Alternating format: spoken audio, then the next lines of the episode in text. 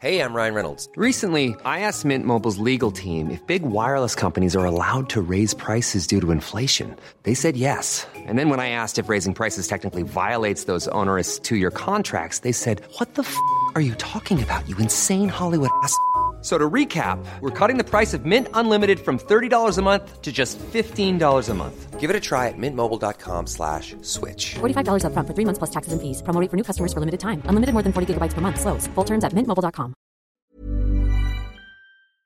Halo pendengar GGMI Podcast, baik lagi bersama kita berdua dan judul kali ini adalah seperti rindu dendam harus dibayar tuntas.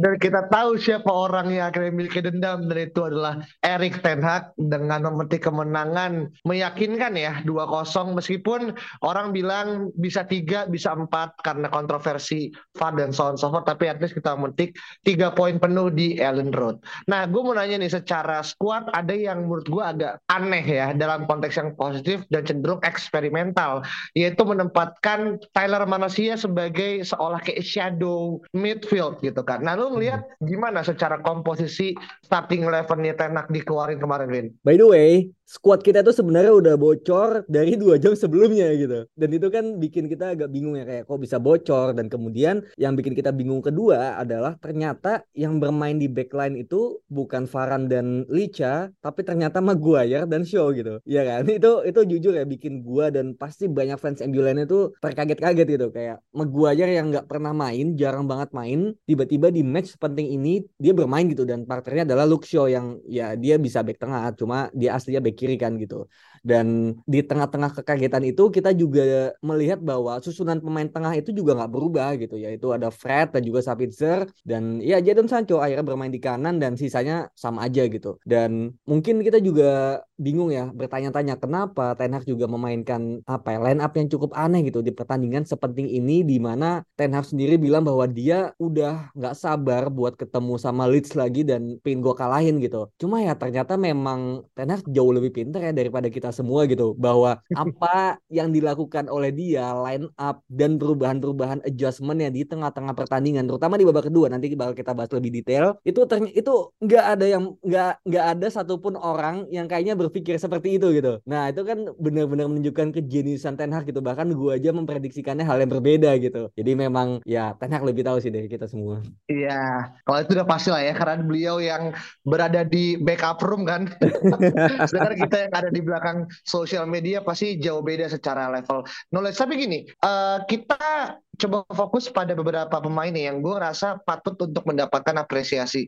Satu adalah David De Gea yang berhasil mencatatkan 400 penampilan bersama Manchester United eh, di MU ya, eh, di, di MU gitu kan di Liga Inggris itu sama dengan rekor Gary Neville dan terpaut 99 pertandingan dengan Paul Scholes dan juga masih terpaut sekitar 180-an dengan Ryan Giggs gitu kan. Dan kemarin juga dia mencatatkan uh, clean sheet ke 178 untuk klub gitu kan menyamai rekornya Peter Schmeichel gitu. Nah, lu ada komentar nggak untuk our goalkeeper di dari pertandingan kemarin? David De Gea sebetulnya ya menurut gua adalah kiper yang bagus gitu in overall in apa ya mungkin kalau kita bicaranya di periode ketika kita merekrut dia ya di tahun 2011 sampai mungkin 2018 ketika pelatih kita adalah Jose Mourinho. Itu in overall adalah kiper yang sangat bagus bahkan sempat menjadi ya kiper nomor satu lah di dunia bersaing dengan Manuel Neuer ya pada saat itu cuma memang seiring perkembangan zaman perkembangan taktik juga apalagi ketika Pep mulai masuk ke City memperkenalkan Ederson, kemudian juga ada Jurgen Klopp yang membeli Alisson dan ada di Liverpool dan akhirnya banyak kiper-kiper lainnya yang ternyata punya skill set berbeda yang nggak dimiliki oleh De Gea. Di situlah menurut gua downfall of David De Gea, di mana kekurangan dia benar-benar terekspos dan sampai sekarang gitu. Meskipun ya kemarin lawan Leeds juga gua akui dia mungkin banyak yang ngasih man of the match itu adalah Fred ya, tapi menurut gua David De menjadi salah satu man of the match-nya juga di situ. Karena ada beberapa peluang Leeds yang akhirnya berhasil juga dia saves. Dan kalau misalnya kita lihat expected goalsnya itu Leeds itu 1,89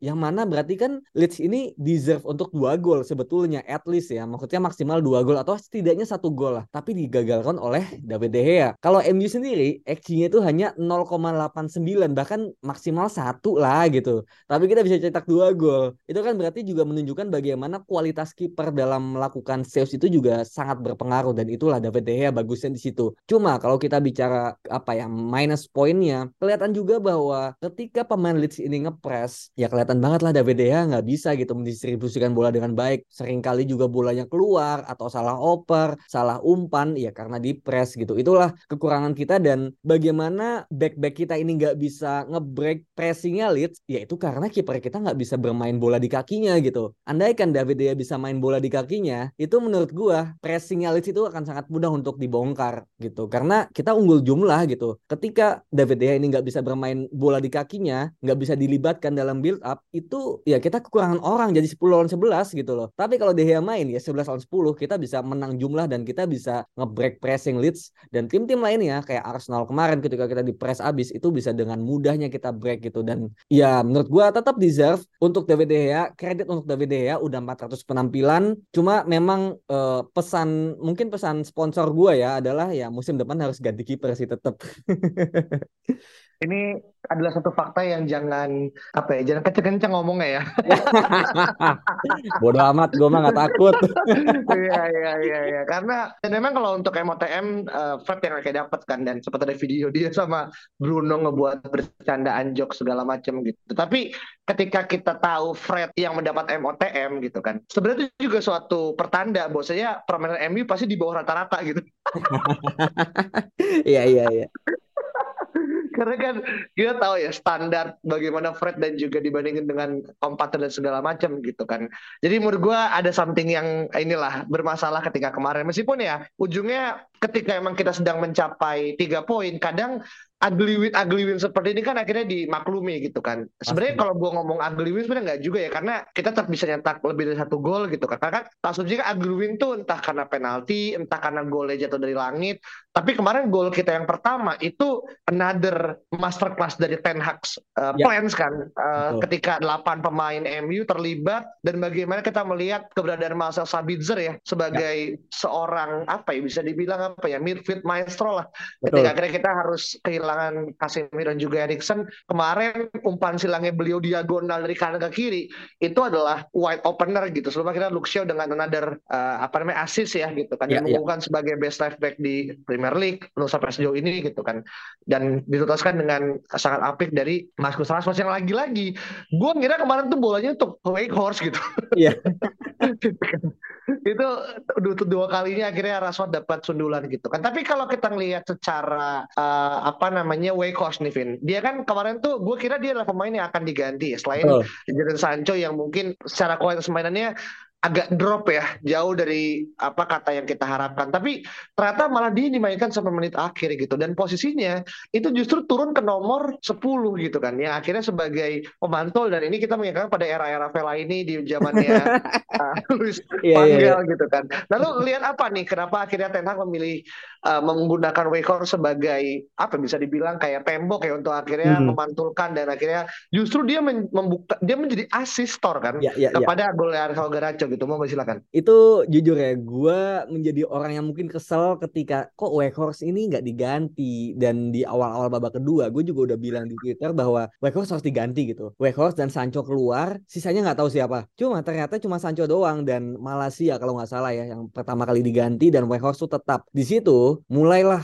perubahan-perubahan terjadi. Martinez masuk jadi back tengah Shaw pindah ke kiri. Kemudian eh, ketika Sancho diganti sama siapa ya? Garnacho ya. Gue bingung ini siapa nih yang di kanan? Gitu. Karena Garnacho sama Rashford kan sama-sama di kiri. Ternyata pas main Garnacho di kiri Rashford di depan Bruno di kanan gue pikir Rashford nomor 10 Weghorst di penyerang. Ternyata enggak. Ternyata Rashford di depan Weghorst nomor 10 gitu. Itu bener-bener ini ini plot twist banget sih gitu. Kayak memang Ten Hag adalah maestro yang sebetulnya gitu loh. Bukan pemain-pemain kita tapi memang Ten Hag ini adalah man of the match yang menurut gue gitu. Dan gue yakin banyak yang setuju juga bahwa Ten Hag ini masterclass semalam bahwasanya Weghorst dijadikan nomor 10 memang karena yang gue lihat MU ini kesulitan untuk menang duel di lini tengah. Jadi ketika misalnya Fred atau Sabitzer atau Bruno mungkin terima bola di mungkin di lapangannya Leeds ya, itu tuh kita langsung dihajar men. Nggak bisa kita apa ya, bola retentionnya tuh rendah banget. Dioper kita hilang bola atau misalnya kita mau oper ke mana langsung dipotong gitu. Jadi bola itu mandek di situ-situ aja. Berhenti itu di Maguire atau di Shaw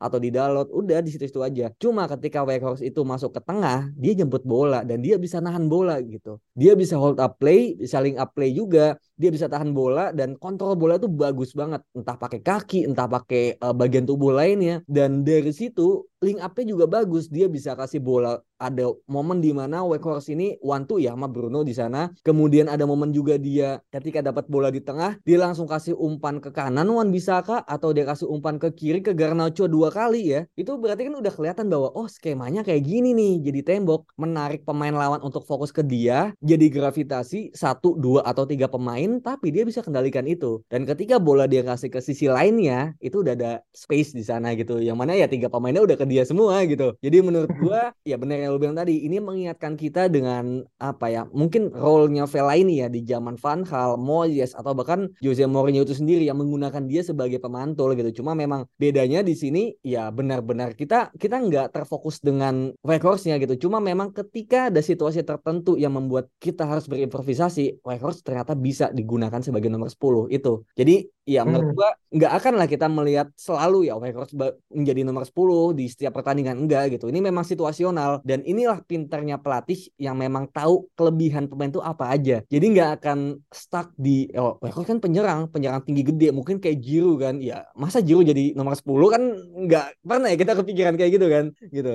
Jadi memang karena Tenak ini tahu katanya dari muda ya dia udah udah tahu bahwa Weghorst ini bisa bermain nomor 10 sejak muda. Berarti kan dia udah scouting, dia udah apa ya udah bisa melihat gitu oh dia bagusnya di sini berarti di dalam situasi ini gue bisa memaksimalkan kemampuan link up dan hold upnya dia gitu. Dan ternyata nggak cuma dia asal pilih ganti pemain posisinya tapi itu juga bekerja dengan baik dan ada resultnya itu menurut gue Hmm, iya iya. Meskipun ya kemarin juga sebenarnya hampir menjadi moment of truth ya untuk Weghorst ya, untuk mencetak gol pertama kan di Liga Inggris. Sayangnya gol dianulir yang ternyata setelah diselidiki dari beberapa akun katanya bola itu dari corner itu nggak menyentuh Maguire gitu kan. Tapi malah menyentuh badan lawan nih pemain Leeds yang cukup crowded kan di Ya. uh, sekitar kotak 12 gitu kan ya. Akhirnya uh, sebenarnya nggak dapat akses dari Maguire gitu. Jadi ya well uh, everything has happened ya. Uh, menurut gue ya udahlah ya dia juga bisa berlapang dada gitu karena memang semua untuk tim gitu. Tapi ini ada satu nama yang menurut gue juga cukup menyita perhatian adalah Alejandro Garnacho. Dan kita tahu kita sempat bahas ya di pertandingan review MU lawan Leeds. Part pertama beliau seolah jadi anti hero gitu kan yang akhirnya bahkan nggak cuma dibu oleh supporternya Leeds tapi juga oleh oleh fans MU yang dianggap terlalu serakah lah, terlalu ya intinya jadikan antagonis lah gitu kan. Bahkan dia sempat ya reacting suatu hal yang mungkin dianggap terlalu apa namanya memprovokatif gitu kan. Tapi kemarin dia menunjukkan dengan satu gol yang menurut gue sangat cerdas dan gue sangat uh, melihat dia adalah calon yang player of the year ya. Dan gue nggak bisa ngelihat ada lagi pemain selain dia akhirnya bisa mendapatkan gelar itu di musim ini gitu kan dengan segala GA-nya yang bahkan lebih tinggi dari Jack Grealish gitu. ya menurut gue ya itu inilah ya untuk sedikit uh, banteran gitu. Tapi lu ngelihat bagaimana kinerja dan work rate yang ditunjukkan sama Garnacho terutama mentalitas dia ketika dia berhasil silencing out all the haters apa yang lu bisa lihat Vin? Iya ini kan sebetulnya sesuai prediksi juga ya bahkan ya menurut gue nggak cuma gua nggak cuma kita tapi banyak juga orang di luar sana fans bahkan mungkin analis yang melihat bahwa Garnacho ini memang sejauh ini itu jauh lebih efektif dan lebih bagus bermainnya kalau misalnya dia dijadikan super sub. Yang dimainkan mungkin di ya 30 menit setidaknya ya 30 menit terakhir gitu di mana pemain-pemain lawan pada capek pressingnya juga udah mulai kendor banyak space tersisa di sana karena mungkin sama-sama mengejar gol dan Garnacho dengan explosive speednya dia bisa memanfaatkan space kosong itu dengan baik gitu dan ya finishing dia juga bagus gitu dan ketika ada space ya menurut gua dan stamina lagi bagus fokus juga masih ada ya Garnacho akan sangat efektif di sana gitu dan terbayar sih kemarin gitu kayak ada satu atau dua momen atau tiga momen ya kalau nggak salah dia runningnya bagus atau dia dapat bola bagus dan satu gol menurut gue itu udah cukup untuk seal the game, seal the win, kill the game juga yang mana ketika 1-0 gue merasa bahwa ini nggak aman. Ini kita bisa trauma dengan kejadian Crystal Palace kemarin ketika 1-0 ternyata menit 91 ya kebobolan tapi nggak lama dari gol Rashford ternyata lagi-lagi ya Wout Weghorst dengan hold up play-nya kemudian assist ke Garnacho, Garnacho juga langsung dribble melewati kalau nggak salah Eling atau siapa Wober mungkin ya. Dan kemudian shootingnya juga ternyata bukan ke far post gitu tapi ke near post gitu yang mana mungkin itu juga nggak disangka ya sama Melie juga kan akhirnya bisa masuk. Dan menurut gua ya ini menunjukkan bahwa ketika Garnacho ini digunakan dengan baik ya dia akan membuat result yang sangat baik juga. Dan kita juga bisa melihat bagaimana ekspresi dan sumringahnya Ten Hag dengan dua jempolnya kan ketika Garnacho mencetak gol itu benar-benar menunjukkan bahwa oh ya ini memang my boy is back sih. Hmm, nah ini kita bisa ngelihat ya bagaimana the governor and the children gitu kan. Uh, dan kita bisa ngelihat adalah uh, mungkin regennya Fergie dan juga Ronaldo tuh ada di Tenak dan juga Garnacho gitu kan. Iya. Bisa bisa bisa. Iya kan? Uh, meskipun memang uh, nah ini ini ini bukan berarti akhirnya kita akan mendukung Garnacho akan ngambil nomor 7 kalau Sau mungkin iya tapi kita nggak sampai pada level itu. Kita berpikir pada level setiap pelatih pasti punya pemain yang akan digadang-gadang sebagai future star gitu kadang gue ngelihat lihat Garnacho ticking all the box untuk mereplikasi apa yang terjadi pada eranya Fergie dan juga Ronaldo yang mungkin umurnya juga sama ya 18 tahun juga gitu kan. Jadi menurut gue uh, playing on the left wing gitu kan dengan sedikit banyak kurang lebih eksplosif yang sama, why kita akhirnya menciptakan our next number seven tapi dengan posisi yang mungkin jauh lebih versatile gitu. Nah, betul, betul. tapi gini Bin, hmm, iya. ini mungkin ini ya di luar dari pertandingan ya. Jadi gue juga baca nih ada hal yang sebenarnya agak cukup kurang mengenakan ya. Jadi mereka tahu ya ri, apa rivalitas Leeds dan MU ini kan cukup terjaga kan meskipun Leeds juga sempat terlempar ke divisi championship tapi dia balik lagi dan kemarin ini gue baca dari uh, Telegraph ya bahwasanya James Ducker gitu uh, salah satu uh, koresponden bilang kalau um, kedua belah pihak uh, MU dan juga Leeds akhirnya menyayangkan adanya chanting dari masing-masing uh, tim ya yang itu akhirnya menyerang uh, historik tragedis terkait dengan game hari ini gitu dan kita tahu ya itu river ke mana gitu kan yang mana ya ini mungkin di luar dari pertandingan dan mungkin nggak menjadi suatu hal tapi kemarin benar-benar bisa dibayangin sekelas David De Gea pun menunjukkan lo lihat kan apa namanya pas dia selebrasi ya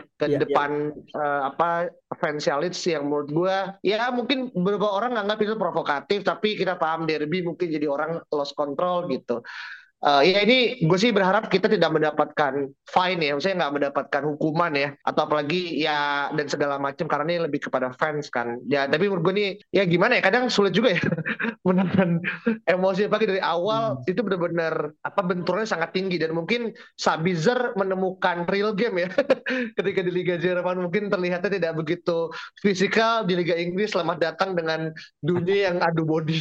Iya iya iya iya betul betul. Sabitzer, Sabitzer sangat sangat ini sih menurut gua apa ya um, iya match lawan Leeds kemarin yang pertama game di Old Trafford itu dia masih adaptasi gitu di babak pertama terutama ya. Cuma di babak kedua umpan dia kan juga akhirnya menemui Pelistri ya kalau nggak salah. Dan akhirnya Pelistri kasih ke Dalot dan Dalot juga akhirnya bisa kasih ke Rashford gitu. Dan bedanya kalau kemarin Sabitzer juga bisa ngasih umpan panjang switch play dari kanan ke kiri dan ke show dan itu menunjukkan bahwa emang nih pemain punya visi gitu. Dia nggak cuma fisikal bisa hajar sana hajar sini tapi dia juga visinya ada gitu dan dia pengumpan yang cukup bagus itu mungkin apa ya bisa dibilang ini adalah gabungan dari Erikson dan Fred tapi sebetulnya apa ya dari sisi kreativitasnya masih di bawah Erikson sedikit gitu. Cuma ini adalah level gabungannya menurut gue gitu. Makanya uh, eh, gue juga sempat nge-tweet bahwa kita tuh udah punya sebetulnya penggantinya Scott McTominay. Kita nggak perlu risau kalau Scott McTominay akan dijual. Karena Sabitzer ini kalau nanti dipermainan dipermanenkan ya cuma dengan angka 20 atau 30 juta menurut gue ya itu still deal sih. Dengan kita bisa mengenalkan dia sebagai box to box, tapi satu sisi ketika kita butuh kreativitasnya, dia pun ada gitu. Dan mungkin ngomongin Fred sedikit ya, kemarin kan kita juga berpikir bagaimana nih caranya mengakali Fred yang apa ya mungkin gerasa kerusuk gitu kan. Mungkin oh dia butuh dilapisi dengan satu orang DM yaitu Lindelof gitu. Ya sebetulnya the idea itu nggak salah gitu, membuat ada pemain yang dalam build up itu lebih bagus daripada Fred gitu. Cuma bedanya kemarin tuh Ten Hag yang udah lu bilang juga tadi adalah menggunakan Malaysia Malaysia sebagai tambahan gelandang itu di tengah ketika build up. Jadi Malaysia dan juga Sabitzer di lini tengah dan Fred itu lebih ke depan bersama Bruno Fernandes gitu. Jadi menurut gue itu cukup gitu sih gitu. Jadi mungkin nggak akan mengubah formasi secara uh, radikal ya yaitu menggunakan Lindelof sebagai DM kemudian Fred dan Sabitzer menjadi nomor 8 tapi lebih kepada ya udah formasinya sama aja formasi dasarnya 4-2-3-1 cuma ketika build up itu ada back kiri gua yang masuk ke dalam nemenin hmm. gelandang dan Fred yang aslinya gelandang pivot dimajuin jadi sebelahnya Bruno gitu jadi memang hmm. ini lebih kepada apa ya mungkin utak atik taktikal aja gitu ketika di lini tengah gitu dan menurut gua Tenak sangat tahu gimana caranya memanfaatkan setiap pemainnya bahkan mungkin fullbacknya masing-masing gitu. Kapan dia menggunakan Dalot kapan dia harus menggunakan Wan Bisaka. Semalam juga Wan Bisaka cukup oke okay ketika menggantikan yeah. Dalot yang udah cukup capek kan. Kemudian cara dia menggunakan Malaysia sebagai gelandang dan kemudian dia ganti menggunakan Martinez di babak kedua itu juga memberitahu kita bahwa Ten Hag ini tahu seluk beluk pemain kita dan tahu cara pakainya gimana. Jadi ini kayak Ten Hag itu main puzzle aja. Kapan harus menggunakan seperti ini kapan harus menggunakan seperti itu lawan bermain seperti apa. Oke okay, gue ganti kayak gini dia tahu semuanya hmm, hmm. ya ya ya dan itulah yang mungkin kalau menggunakan standar Koci Ten Hag bukan pelatih miskin taktik gitu Iya, iya betul betul. Iya iya iya. Dan tapi gini, um, gue mau sedikit balik ya ke canting tadi. Jadi kalau mungkin teman-teman yang nggak paham konteksnya atau mungkin bingung nih apa sih dan mungkin uh, nggak paham segala macam. Jadi uh, Leeds itu menyanyikan uh, lagu tentang Munich. Dan kita tahu ya uh, Flowers of Manchester di bulan Februari kita juga kan ya, ya. kemarin apa ya uh, berkabung lah ya dan juga Bayern Munchen. Nah sebaliknya fans MU juga menyanyikan canting baik tentang Istanbul gitu. Di mana ya ada kejadian juga lah dari yang akhirnya terjadi Istanbul segala macam. Jadi itu hal yang akhirnya uh, mungkin di konteks kita Indonesia dan mungkin buat beberapa fans yang mungkin kayak gua sama Alvin yang lahirannya mungkin nggak terlalu apa ya tua gitu untuk berada di sana gitu. Tapi ini itu adalah hal yang akhirnya terjadi dan ini yang lagi diusut sama FA katanya gitu. Tapi semoga nggak ada apa-apa karena jangan sampai kita dirugikan dengan hal-hal yang non teknis gitu. Nah mungkin terakhir Vin uh, sebagai penutup kita kan sekarang jadinya jaraknya lima angka ya. Iya kita by the way sempat di peringkat dua selama satu jam ya. Benar. Iya kan, ujungnya tergelincir lagi ke peringkat ketiga. Untungnya juga Newcastle seri ya lawan uh, siapa tuh? Bournemouth. Bournemouth, ya kan, yeah. Bournemouth uh, satu sama gitu. Bahkan hampir kalah itu by the way kalau misalkan teman-teman nonton. Uh, tapi kita harus kembali ke peringkat tiga gitu. Nah mungkin uh, apa nih yang lu bisa tangkap dari pertandingan kemarin? Apakah kita sudah cukup bisa memberikan bukti sekedar dari MU akhirnya bisa apa ya kayak counting back ya? Uh, tadi seperti rindu dendam harus dibayar tuntas atau ini minikamsinya kalau MU juga masih dalam proses untuk mengejar ketertinggalan untuk akhirnya bisa bersaing di Liga Inggris. Menurut gua tetap sih game by game aja gitu karena Ten Hag juga mention bahwa kita adalah satu-satunya tim yang masih bermain di empat kompetisi sekaligus dan juga masalahnya gelandang kita pun juga udah mulai menipis. Jadi ya menurut gua sih kita realistis aja, tetap fokusnya empat besar. Jadi biar apa ya kita juga nggak terlalu bukan ambisius ya, nggak terlalu memaksakan diri lah di atas kapasitas kita sendiri untuk musim ini setidaknya. Jadi menurut gue tetap game by game fokusnya nggak usah terlalu ngejar Arsenal gitu karena kalau nanti di midweek ini Man City bisa mengalahkan Arsenal poin mereka tuh sama. Dan ketika poinnya sama City akan di atas di atas Arsenal karena golnya lebih banyak golnya lebih bagus ya selisih golnya. Dan jarak poin City Arsenal ke kita itu cuma lima poin gitu tuh deket banget menurut gue gitu. Dan mereka masih bakal ketemu sekali lagi loh ya kan gitu. Jadi menurut gue semuanya masih sangat mungkin. Gue jadi gini kemarin kan kita juga baca ya statement statementnya Gary Neville dan juga statementnya Roy Keane. Yang mana kalau yeah. Gary Neville itu dia agak pesimis, kalau Roy Ini hmm. mungkin bukan optimis tapi lebih kepada get ready aja gitu. Bersiap-siap dan gue lebih setuju yang Roy Keane gitu. Jadi lebih kepada oke, okay, memang kita gak harus mengincar juara pada musim ini, tapi ya kita harus tahu bahwa City dan Arsenal tuh pasti bakal kehilangan poin, pasti gitu. Nah, di situlah kita harus tetap fokus dan kita akan menerkam mereka ketika momennya datang gitu. Cuma kita nggak tahu di momen mana itu akan datang gitu. Bisa jadi pertandingan terakhir atau di dua match terakhir, tiga match terakhir kita terekam gitu. Kita nggak ada yang tahu gitu. Berarti gimana hmm. caranya kita tetap fokus untuk tujuan kita yang lainnya gitu kayak mungkin kita fokus ke Carabao, nanti ada FA Cup, ada Liga juga bagaimana mengamankan empat besar. Tapi kalau misal ternyata takdir dan juga momentumnya dapat dan kita bisa menerkam mereka gitu ketika ada momen di mana mereka lengah, ya di situlah momen kita dan gue setuju sama Roy Keane di situ. Hmm, ya ini juga ada ini juga jadi kayak bumbu kan kayak Roy Keane dan juga Neville harus apa ya ber, berapa ya berbeda pendapat tentang bagaimana Chance MU bisa mendapatkan gelar gitu dan sebagai fans yang optimis pasti tentu akan prefer ke Roy Keane tapi sebagai fans yang realistis mungkin lebih ke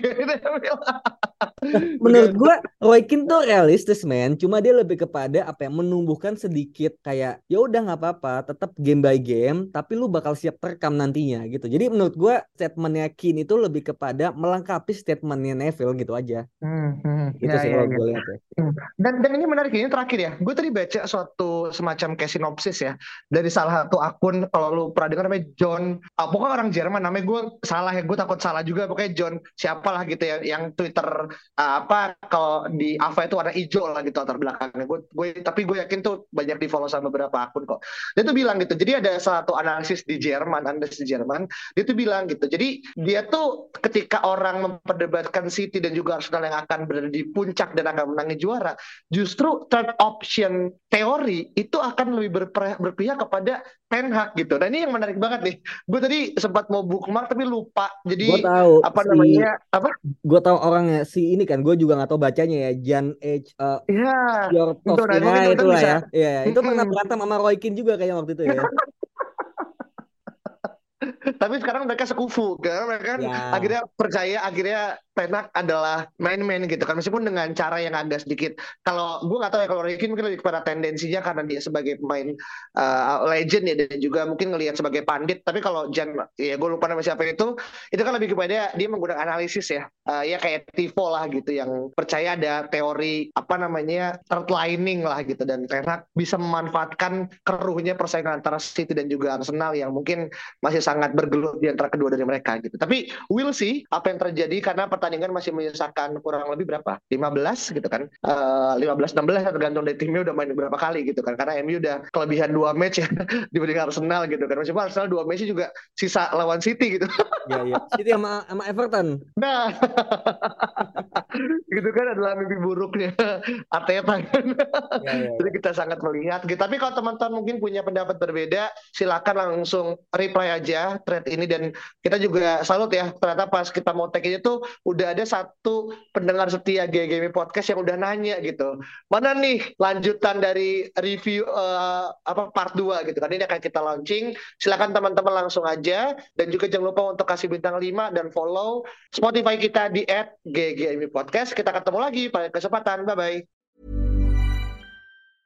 Mom deserves the best, and there's no better place to shop for Mother's Day than Whole Foods Market. They're your destination for unbeatable savings, from premium gifts to show-stopping flowers and irresistible desserts. Start by saving 33% with Prime on all body care and candles. Then get a 15-stem bunch of tulips for just $9.99 each with Prime. Round out Mom's menu with festive rosé, irresistible berry chantilly cake, and more special treats. Come celebrate Mother's Day at Whole Foods Market.